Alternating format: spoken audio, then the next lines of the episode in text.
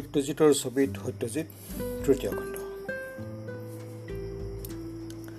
জীৱনৰ কঠোৰ অৰ্থনৈতিক প্ৰয়োজন পূৰণ কৰিবলৈ পাৰিবাৰিক আৰু সামাজিক প্ৰতিকূল পৰিস্থিতিকো প্ৰত্যাহ্বান জনাই চাকৰি কৰিবলৈ বাহিৰলৈ ওলাই অহা এগৰাকী মধ্যবিত্ত নাৰী আৰতী তেওঁৰ সংগ্ৰামৰ কাহিনী মহানগৰ। এই ছবিখন যেন সত্যজিৎ ৰায়ৰ নিজৰ মাতৃপত্নী আৰু খুৰীয়েক ডক্টৰ কাদম্বিনী গাংগুলীৰ প্ৰতি শৈল্পিক উপহাৰ। আৰতীয়ে চাকৰি কৰিবলৈ ঘৰৰ চাৰিবেৰৰ মাজৰ পৰা বাহিৰলৈ ওলাই অহা ঘটনাৰ সময় ঊনৈছশ পঁচপন্ন চন। সেই সময়ত সম্ভ্ৰান্ত ঘৰৰ বোৱাৰী সাধাৰণ কামৰ বাবে বাহিৰলৈ ওলাই অহাটো তাকো এটা যৌথ পৰিয়ালৰ পৰা। এইটো আছিল এটা অভাৱনীয় ঘটনা। মহানগৰ নায়িকাৰ এই ৰূপ সত্যজিৎ মাতৃ সুপ্ৰভা দেৱীৰ জীৱনৰ লগত ভালেখিনি মিলি যায়।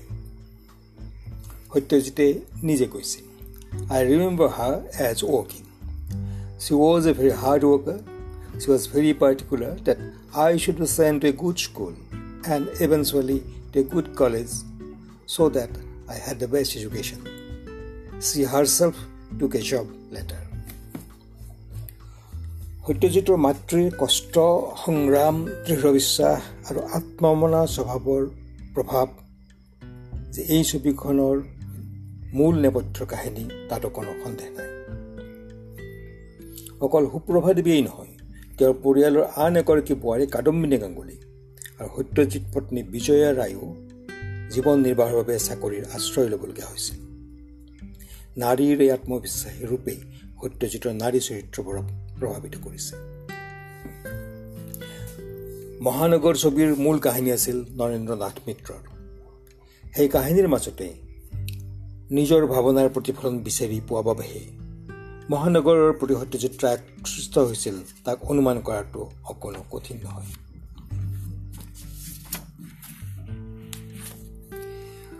সত্যজিৎ মাতৃৰ যি স্নেহময়ী আৰু প্ৰটেক্টিভ প্ৰকৃতি পুত্ৰৰ লগত তেওঁৰ যি বন্ধুসম সম্পৰ্ক। এই গুণবোৰ যে অকল সৰ্বজয়াৰ চৰিত্ৰৰ মাজেৰে প্ৰকাশ হৈছে তেনে নহয়। জন অৰণ্য ছবিৰ ন বয়কৰ চৰিত্ৰ শাখা প্ৰশাখা ছবিৰ মাজু বোৱাৰীকৰ চৰিত্ৰ কাঞ্চনজংঘা ছবিৰ মাকৰ চৰিত্ৰ সীমাবদ্ধ ছবিৰ পত্নীৰ চৰিত্ৰ গণহত্ৰ ছবিৰ ডাক্তৰৰ পত্নীৰ আৰু কন্যাৰ চৰিত্ৰ এইবোৰ চৰিত্ৰৰ মাজতো প্ৰকাশ পাইছে। জনৰণ্য ছবিৰ নায়কৰ নবৌৱেক আৰু শাখা প্ৰশাখা ছবিৰ মাজু বোৱাৰী এই দুগৰাকীৰ লগত নবৌৱেক আৰু দেউৰেকৰ যিটো সম্পৰ্ক তাত যি বন্ধুত্বৰ সম্পৰ্ক আছে আৰু নবৌৱেকে দেউৰেকৰ প্ৰতি কৰা প্ৰটেক্টিভ এটা মাতৃক্ষম আচৰণ আছে এইখিনি সত্যজিৎ আৰু তেওঁৰ মাকৰ মাজত থকা সম্পৰ্কৰ মূল স্পিৰিট। এই স্পিৰিটটো বেলেগ বেলেগ চৰিত্ৰৰ মাজত এনেধৰণে প্ৰকাশিত হৈছে। এটা কথা দ্বিধাগ্ৰস্তভাৱে ক'ব পাৰি যে অপুৰ চৰিত্ৰটি সত্যজিৎ ৰায়ৰ বাহিৰে আন কাৰো নহয়। অপুৰ জীৱন ভাৱনা চিন্তা আৰু আচৰণ সত্যজিতৰ জীৱনৰ লগত ইমানেই মিলি যায় যে বিভূতিভন সৃষ্ট এই চৰিত্ৰটি সত্যজিতৰ কেমেৰাত চেলুলৈটৰ বুকুত অবিস্মৰণীয়ভাৱে জীৱন্ত। শ্যাম বেনেগলৰ সৈতে হোৱা এটা কথোপকথনত শ্যাম বেনেগলে সুধিছিল was there a kind autobiographical resonance in the film Aparajito? Satyajit ৰায়ে উত্তৰ দিছিল well not in পথেৰ পাছলে frankly because I know' hardly anything about village I was a city born and city bred person, and I didn't know the village at all at the age of 32 and 35 or 30.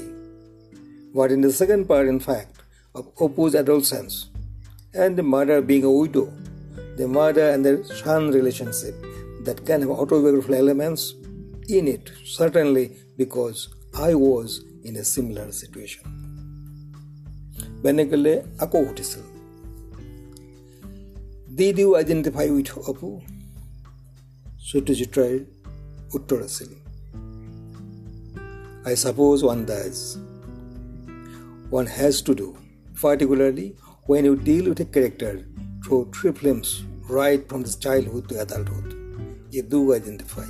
Otherwise, there's no getting under the skin of the character.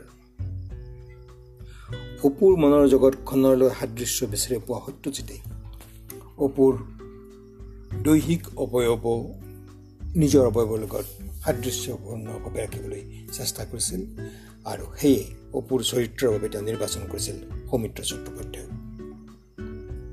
Soumitra Chattopadhyay আৰু সত্যজিত এই কথা আমি কাইলৈৰ খণ্ডত পাতিম।